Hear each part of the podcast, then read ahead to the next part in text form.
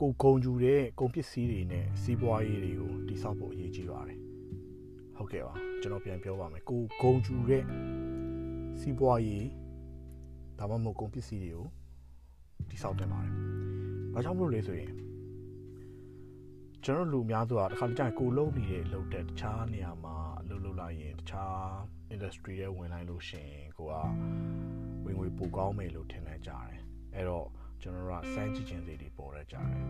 အဲ့တော့တစ်ခါလေကြာရင်လူမသိပဲနဲ့နောက်ကိုရတွေကုန်ပစ္စည်းတွေထုတ်တတ်ကြတယ်ဒီချိန်ကျရင်ကျွန်တော်ပြန်မေးရမှာကိုလုံနေတဲ့လုပ်ငန်းကိုထုတ်လိုက်တဲ့ကုန်ပစ္စည်းအတွက်ကိုကုန်ယူလားဆိုတဲ့အတိကမေးကုန်ဖြစ်ပါတယ်ဘာလို့လဲဆိုရင်ကိုရောင်းနေတဲ့ကုန်ပစ္စည်းကိုတိဆောက်ထားတဲ့စီးပွားရေးလုပ်ငန်းကိုတခြားလူတယောက်ကမိတ်မဆက်ရဲဘူးမိတ်ဆက်လိုက်လို့ရှိရင်ကိုအထင်သေးသွားမှာ ဒါမှမဟုတ်ကိုယ့်ရဲ့ social အရာเนาะကျွန်တော်တို့အတွက်အဆင်မပြေဘူးဆိုလို့ရှိရင်ဒီကုန်ပစ္စည်းဝန်ဆောင်မှုကိုမထုတ်ပါနဲ့မလုပ်ပါနဲ့ဘာလို့လဲဆိုရင်ကျွန်တော်တို့ဂုံမြူတဲ့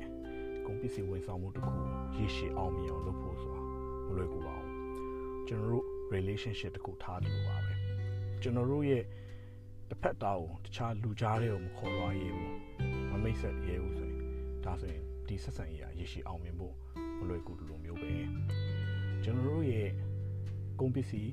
ဝန်ဆောင်မှုတွေအတွက်ဂုဏ်ယူမနေဘူးရင်ရင်ခုန်မနေဘူးဆိုလို့ရှိရင်ဒါရေးရှိအောင်မြင်ဖို့ခက်ပါတယ်ဒါကြောင့်မလို့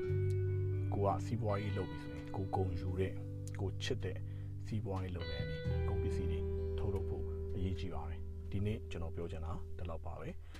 အားလုံးကျေးဇူးတင်ပါတယ်မင်္ဂလာရှိတော်နေ့